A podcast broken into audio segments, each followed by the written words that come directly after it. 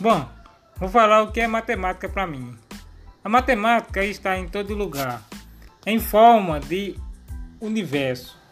Está no dinheiro, está no tamanho da Terra, formato do Sol, está em toda parte da nossa vida.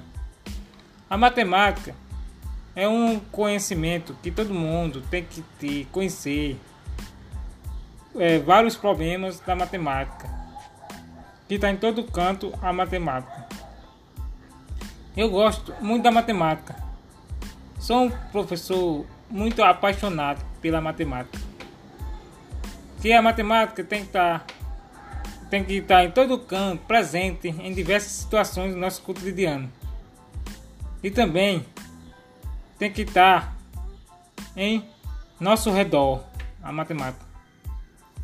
É, a matemática é o conhecimento que todo mundo tem que ter para adquirir o desenvolvimento na vida na vida na vida